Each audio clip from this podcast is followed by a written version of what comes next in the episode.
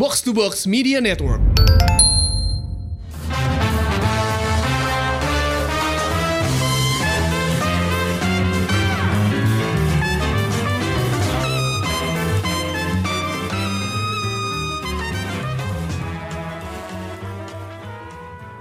Halo halo semuanya, selamat datang di Showbox Podcast dengan gue Lisa. Dan gue Amy. Hari ini Hai. seru banget. Hari ini seru karena kita langsung ngebahas dua series. Gila, gue sama eh, Amanda tuh sampai maraton nih ya. PR banget. Ya, Banyak banget lagi.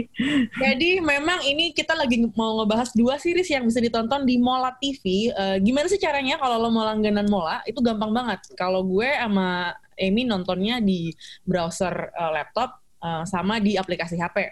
Gitu. Jadi kalau lo buka browser tuh ya, kalau gue pakai Chrome, kalau lo mungkin pakai Chrome atau Safari, pakai apa gitu, langsung aja ke mola.tv gitu ya. Nanti bakal ada opsi langganan tuh banyak banget di apa di halaman beli akses gitu.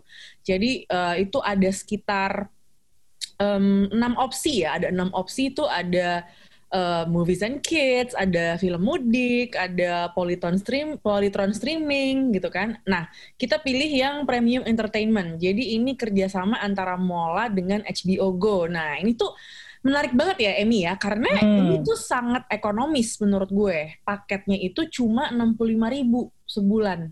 Itu Iya. udah dapat Mola dan juga HBO Go. Kalau langganan HBO Go sendiri berapa coba? Kalau gue langganannya pakai First Media, jadi makin mahal lagi, Lis. Oh, oke beda ya. Jadi kalau eh, HBO Go tuh seinget gue kalau langganan tuh bisa 79.000 ya sebulannya. Hmm, kalau 80 langganan ya. Hmm. Yang pakai aplikasinya gitu kan. Jadi tuh lo bisa bayar di Telkom atau lo bisa pakai First Media ya langganannya pakai Hmm. yang internet gitu kan. Hmm. Nah, itu. Jadi menurut gue ini ekonomis banget kalau lo mau langganan uh, Mola sama HBO Go gitu ya. Uh, tapi kali ini uh, kita mau bahas apa sih, Amy? Kita bakal bahas dua series. Hmm, satu ada Rick 45 dan yang kedua ada Humans. Ya. Jadi ini dua-duanya, uh, kalau yang Rick itu dari um, daerah-daerah ini ya. Uh, Bri- uh, Skandinavia, Nordic. iya, Skandi- Jadi Skandi thriller jatuhnya. Yang di trailer dan uh, waktu pertama kali ngelihat posternya udah itu udah bikin gue excited sih. Karena karena langsung kayak I think this is kayak I think I'm gonna like the show ya nggak sih? Lo you get that impression? Uh, Iya, iya, iya.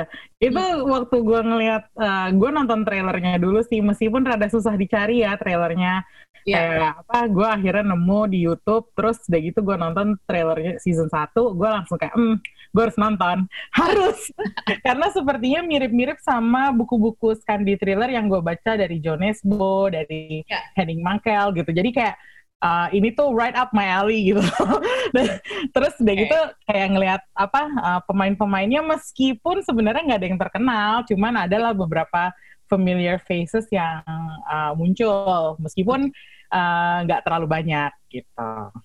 Nah ini uh, kita langsung dengerin aja kali ya karena tadi Emmy udah ngomongin trailer kita dengerin dulu trailer dari Rick 45 Right now, we need to focus on finding whoever this is before someone else gets hurt.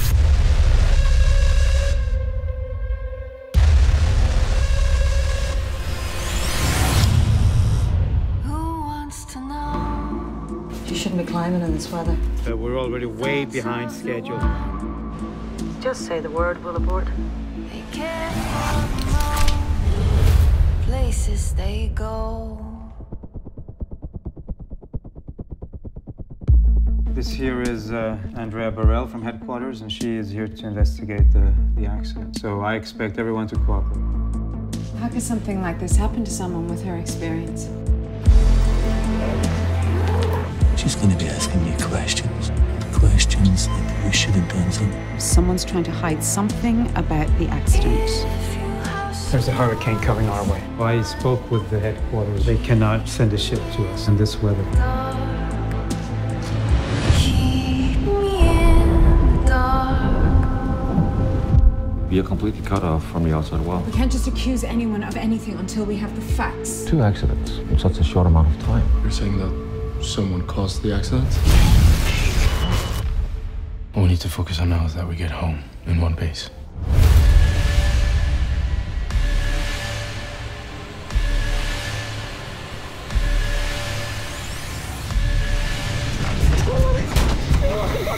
What the fuck is going on?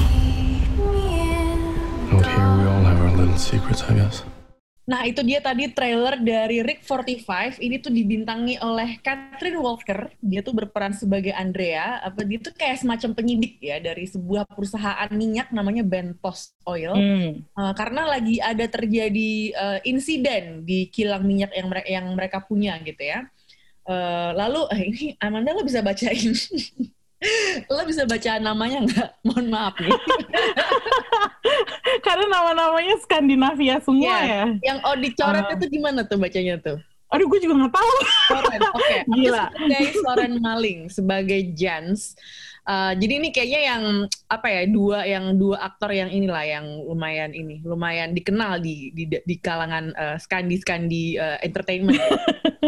Uh, nah ini ceritanya apa sih? Ceritanya tentang uh, pembunuhan yang terjadi di sebuah kilang minyak gitu. Jadi uh, ini tuh terjadi sekitar dua hari sebelum hari Natal dan Andrea ini adalah uh, karakter yang digambarkan dia tuh pekerja keras dan dia tuh udah sering banget pergi ninggalin keluarganya dan dia sudah kayak pengen banget uh, Natalan bareng keluarga tapi dua hari sebelum pas udah di rumah nih dua hari sebelum Natal dia dipanggil untuk kayak pokoknya lo pergi deh nih ke kilang ini karena ada insiden dan kayaknya cuma lo yang bisa mengatasi ini gitu Hmm. Uh, dan dia pergi, oke. Ini langsung spoiler ya teman-teman ya. langsung spoiler karena uh, kalau lo nanti dengerin, eh kalau lo um, nonton uh, seriesnya, lo akan tahu nih kalau uh, ini emang susah banget kalau nggak spoiler ya nggak Amanda? Hmm, apalagi cuma 6 episode juga gitu Iya. kayak ceritanya nyambung banget pula. Hmm. Jadi ini Hmm. 6 episode aja dua season, dua season 6 episode. Jadi eh, sekitar 12 eh, episode ya kalau kita nonton Mm-mm, langsung tuh mm-mm. eh, satu weekend tuh gue ngabisin 12 episode gitu. Seru banget sih. Jadi Rick 45 ini eh, mini seri ya, mini seri produksi Viaplay bagian dari Nordic Entertainment Group atau NENT gitu. Ini tuh apa sih? Ini tuh perusahaan satelit eh, berbayar di eh, Swedia. Ini baru tayang pertama kali tahun 2018 dan yang season keduanya baru tayang tahun ini gitu. Jadi ini emang masih baru. Eh, dan ini tuh eh, salah satu acara yang paling tinggi ratingnya di eh, Viaplay itu. Gitu. Hmm. Jadi memang kalau apa ya, kalau lo tuh suka em, acara-acara thriller atau murder show dari kayak Denmark yang gitu-gitu tuh em, atau yang dari daerah-daerah Eropa gitu ya, lo mungkin akan suka banget sama yang ini gitu. Menurut lo gimana ini? Oh iya sih kalau menurut gue ini emang sengaja dibuat untuk orang-orang yang eh, nggak suka acara TV Amerika. Kalau menurut gue sih gitu ya karena eh, cara penceritaannya tuh beda banget sama acara TV Amerika yang cenderung bombastis. Hmm. Sementara di sini tuh kayak kalau misalnya lo lihat eh, ada insiden, ada kekerasan, tapi nggak eksplisit gitu, nggak di, nggak nggak ditunjukin kayak gore atau darah gitu. Jadi kalau menurut gue eh, acara ini emang sengaja dibuat buat orang-orang yang mencari sesuatu yang lain lah ya, atau yang mungkin lebih terbiasa nonton serial-serial produksi Inggris dan Eropa gitu. Hmm. Gue gue bisa eh, kasih contoh waktu eh, gue nonton eh, apa season pertamanya Rick 45 di Mola TV, gue tuh teringat dengan pada saat gue nonton Bodyguard di Netflix. Nggak tahu kenapa feel-nya tuh lumayan sama. Jadi ada intensitas yang beda lah dari kalau lo nonton serial-serial Amerika gitu. Jadi emang in- ini tuh eh, target audience-nya adalah emang orang-orang yang suka acara-acara obscure tapi penikmat thriller gitu. Jadi eh, ini nggak seperti kayak bangsanya apa ya, kayak SWAT di TV Amerika tuh kan ada SWAT, ada kayak CSI gitu. Itu nggak kayak gitu sama sekali gitu. Oke, nah itu gue setuju banget karena em, gimana ya? Gue mau ngomong spoiler apa enggak? Udah bongkar aja list bongkar. aja ya, bongkar aja ya. Karena dari penokohannya aja, begitu masuk episode 2, wah kayak Game of Thrones nih. Jadi karakter yang sudah muncul sejak awal gitu, kok tiba-tiba dia terbunuh gitu kan. Dan eh, sampai akhir tuh gue cukup terpengangah sih melihat eh, jalan ceritanya. Gue bilang, wah ini berani banget sih. Oke, jadi eh, series ini tuh hasil kolaborasi antara Ola Noren dan Roland eh, Ulif Celius.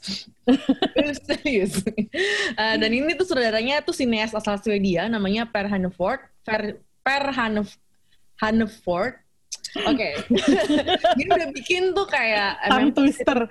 ya series-series kayak Angel by ada Black Widows juga ada Agent Hamilton juga gitu dan ini yang begitu masuk ke season 2 nya pindah nih saudaranya ke eh, saudara asal Finlandia namanya Aku Lohimis gitu jadi memang ini tuh dari daerah tengah Eropa banget ya Amanda ya dan Hmm. gayanya tuh memang ya udah eh, nggak dia ter cenderung kalem, cenderung itu kayak sepanjang series lo tuh kayak hide and seek gitu ya nggak sih? Hmm.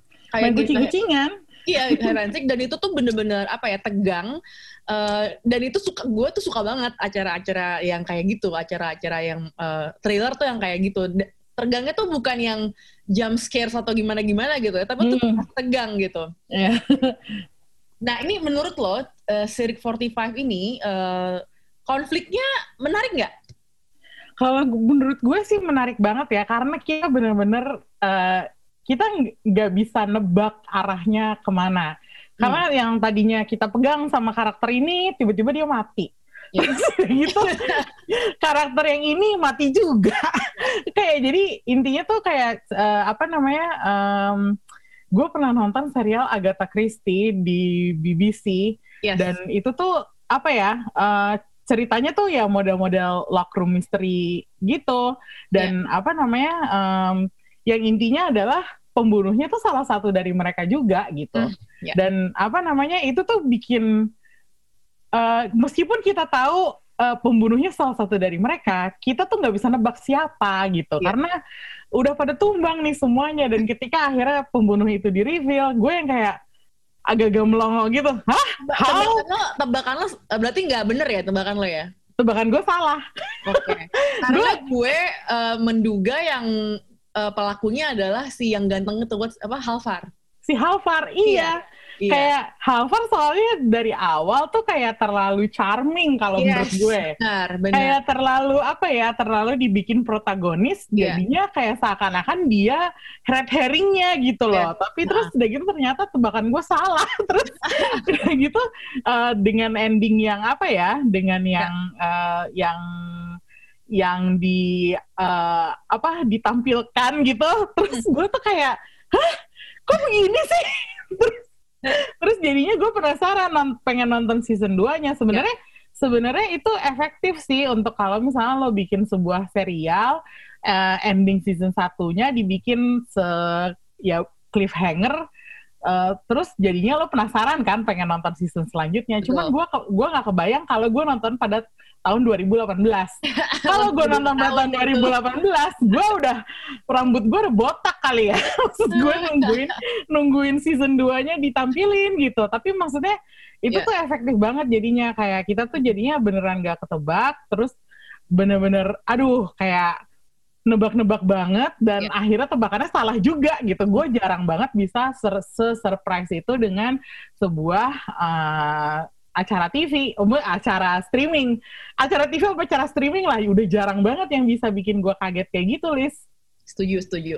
Eh, selain eh, acara apa sih selain plot yang bikin kita nebak-nebak, eh, yang gue suka banget juga adalah atmosfernya. Karena gue nggak pernah nyangka setting kilang apa sih kilang minyak yang ada di laut dan sangat terisolasi itu ternyata eh, itu bener-bener setting yang keren banget buat cerita yang kayak gini gitu. Udah lagi badai, nggak ada listrik, nggak ada telepon dan itu bener-bener apa ya unusual gitu. Karena em, biasanya kan kalau lihat pembunuhan tuh dia di rumah ya settingnya atau di Mm. sebuah eh, gedung lah. Jadi tuh terkontain dan dan dan ketebak lah apa kayak gerak geriknya apa gitu. Dan kalau di sini tuh bener-bener kayak lo di kilang minyak yang eh, penggambaran ruangnya tuh bener-bener naik turun eh, gang apa sih alley itu apa ya? Gang gang sempit gitu kan? Terus kamar-kamar yang juga sempit yang emang seadanya karena emang lo lagi di tengah laut gitu kan. Dan itu ternyata efektif banget buat ngebantu mood dan juga em, ya atmosfernya sih dari show ini gitu. Jadi gue yang kayak wah ini gue suka banget sih.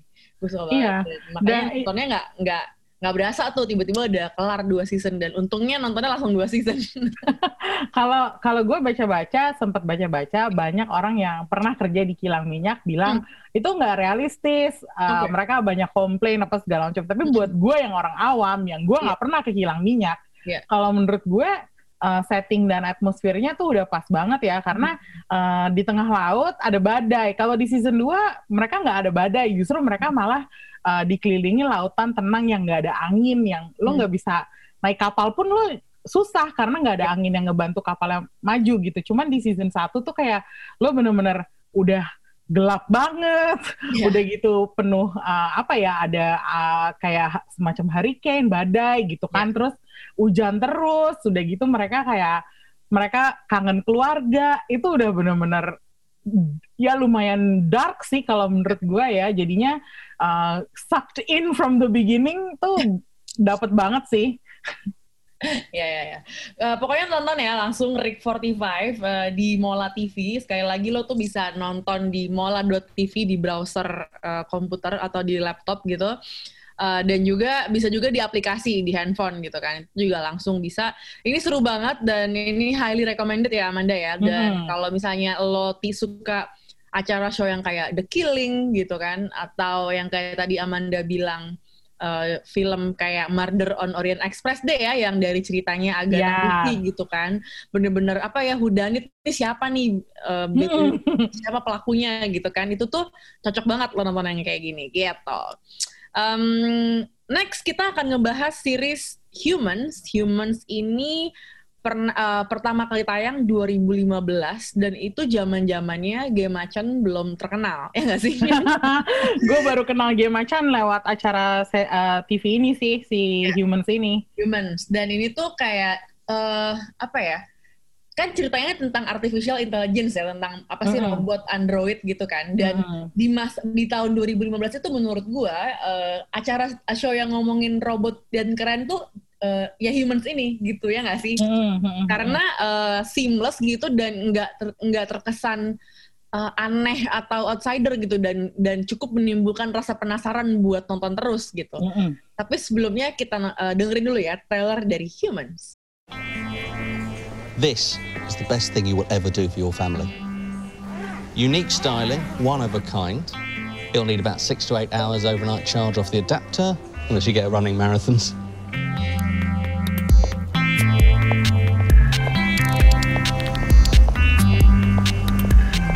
Hello, Toby.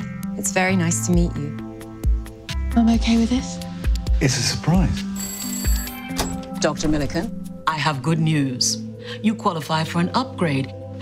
One of these bad boys can do 10 times what the D series can do. Look, I'm happy with the one I've got.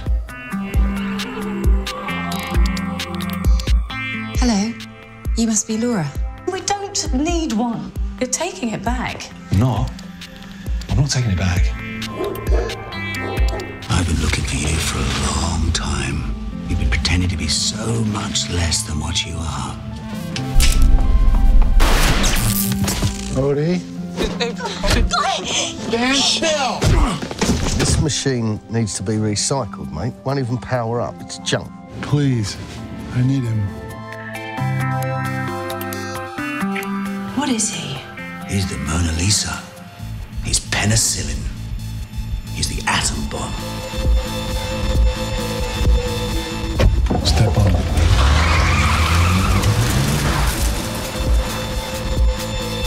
You brought it into the house and we don't know anything about it. It's a machine.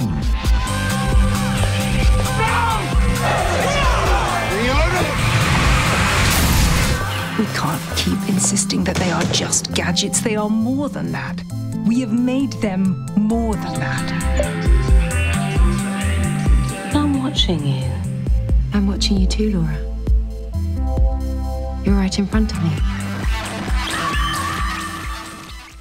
Oke, itu dia tadi trailer dari Humans. Ini tuh ada ada tiga sih, ada tiga musim ya, tiga musim. Jadi em, ada di Mola TV bisa nonton. Satu em, seasonnya itu ada sekitar 8 episode. 8 episode ya. Eh, lumayan nih, lumayan. Eh, kalau misalnya mau maraton satu pas weekendan gitu ya, tiga musim bisa banget, bisa banget. Jadi kalau lo suka acara TV misalnya kayak Black Mirror atau lo suka yang kayak Westworld, nah mungkin ini eh, cocok nih seleranya. Tapi kalau gue kan gue udah nonton Black Mirror dan gue udah nonton eh, Westworld. Gue tuh kalau misalnya Westworld itu relate susah banget. Tapi kalau ini tuh enggak. Lo lo merasa gitu nggak? Lo nonton Westworld gak sih Amanda?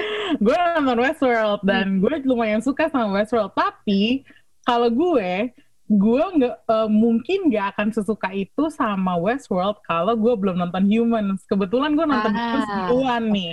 Jadi pada saat waktu itu eh, apa namanya eh, rilis, eh, kan eh, apa namanya, gue langsung ngecek nih ah, apa sih gitu yang diiniin, eh, yang dihebohin pada saat itu karena kok acara ini tuh ratingnya tuh lumayan tinggi gitu di UK.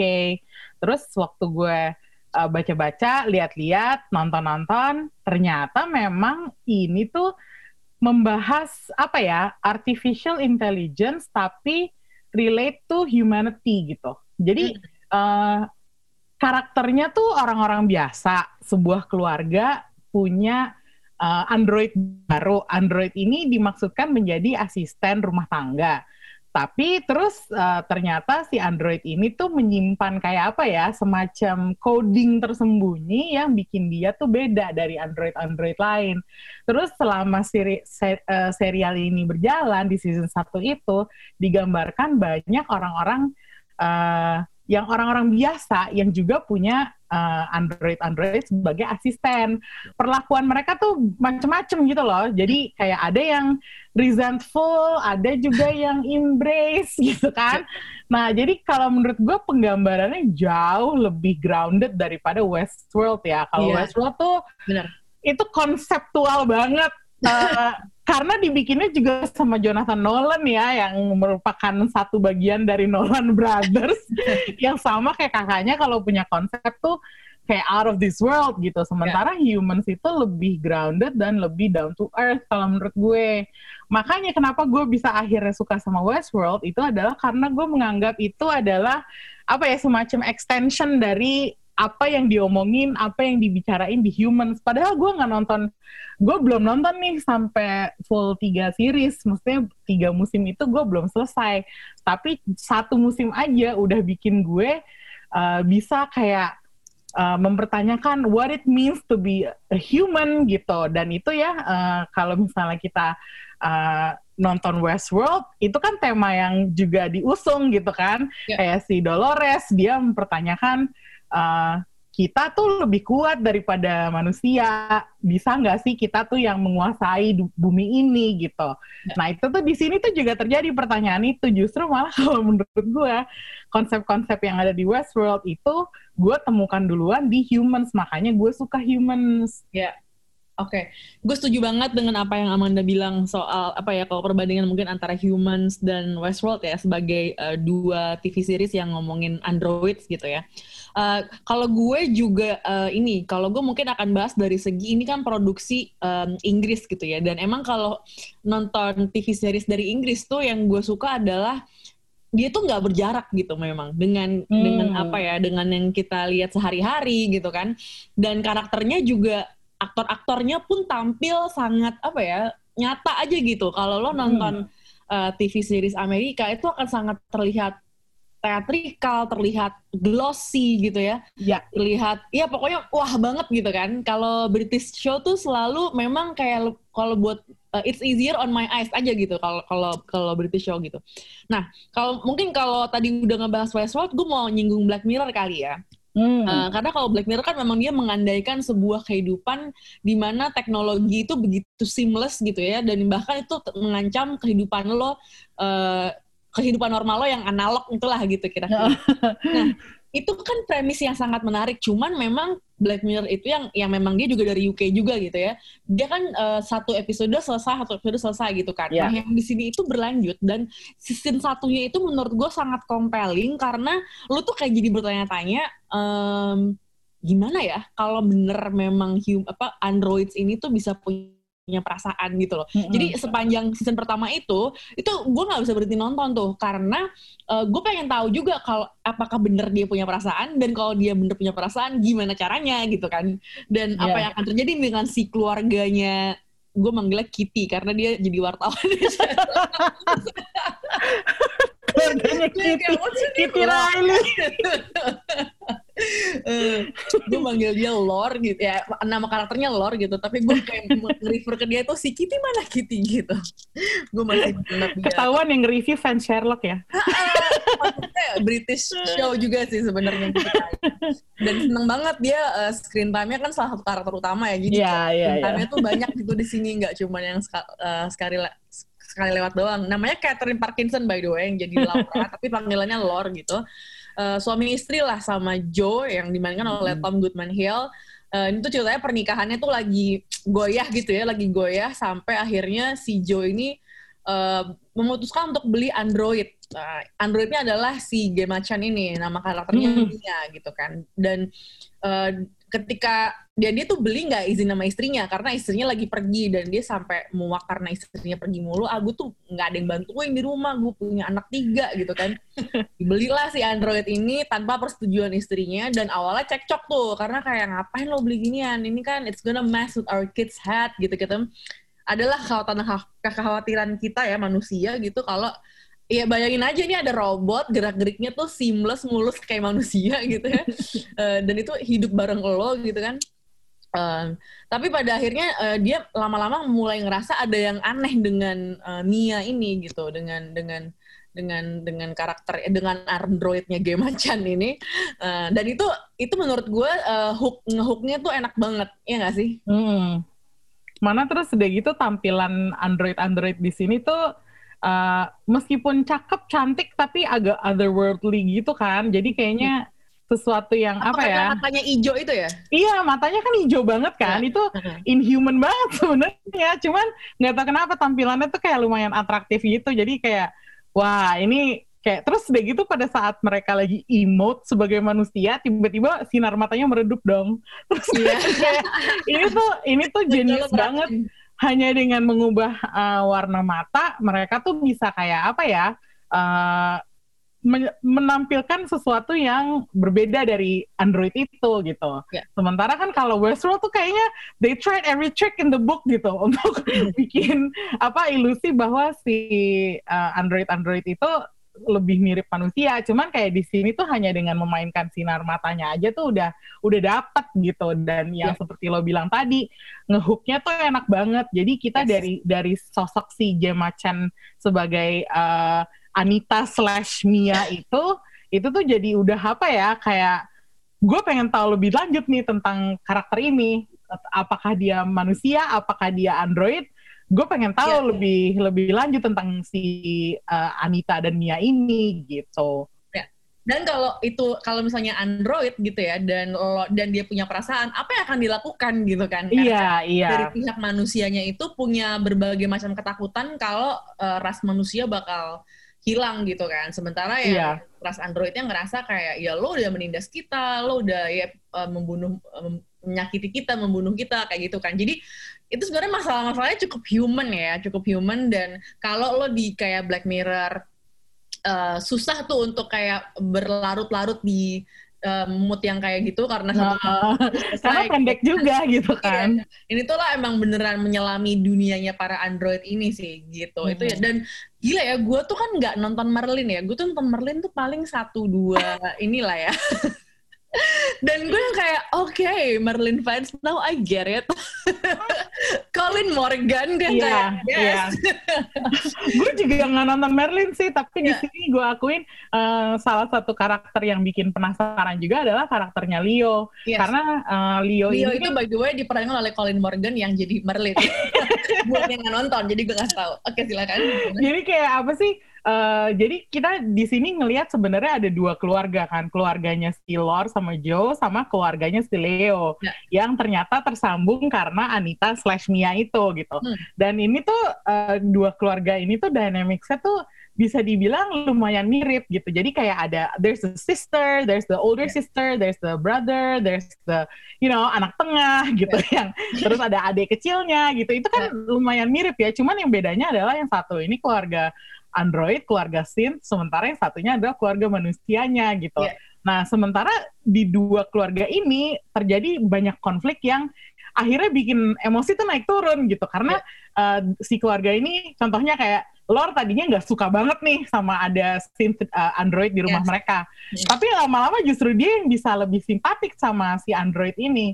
Sementara kayak di apa namanya di di sisi keluarganya Leo ini Hmm. um, ada satu Android yang wah udah geram banget sama manusia, tapi ada juga yang masih optimistis, masih kayak apa sih menerima gitu. Kayak kita harus uh, kita harus uh, apa namanya nggak boleh kehilangan apa ya uh, toleransi terhadap manusia gitu dan nggak tahu ya gue ngelihat perbandingan kedua keluarga ini tuh menarik banget di Humans uh, season 1 terutama gue belum nonton season 2 jadi gue nggak jadi gue nggak tahu nih list kayak apakah dinamika itu berlanjut karena setahu Hmm. gue ceritanya mulai ke mana-mana kan di season Iya. 2 Ya. gitu tapi yang Season dua tuh ini sih apa dunianya emang jauh jadi jauh lebih luas tuh dunia apa Androidnya gitu ya karena eh, ada musuh baru gitu kan. Nah, Ada- itu kan. Ya, ada karakter-karakter baru juga gitu. Tapi eh, memang sih ini tuh ya- yang menarik dari season 2 tuh kalau gue lihat tuh ada sindrom eh, orang-orang manusia gitu ya yang pengen jadi kayak synth.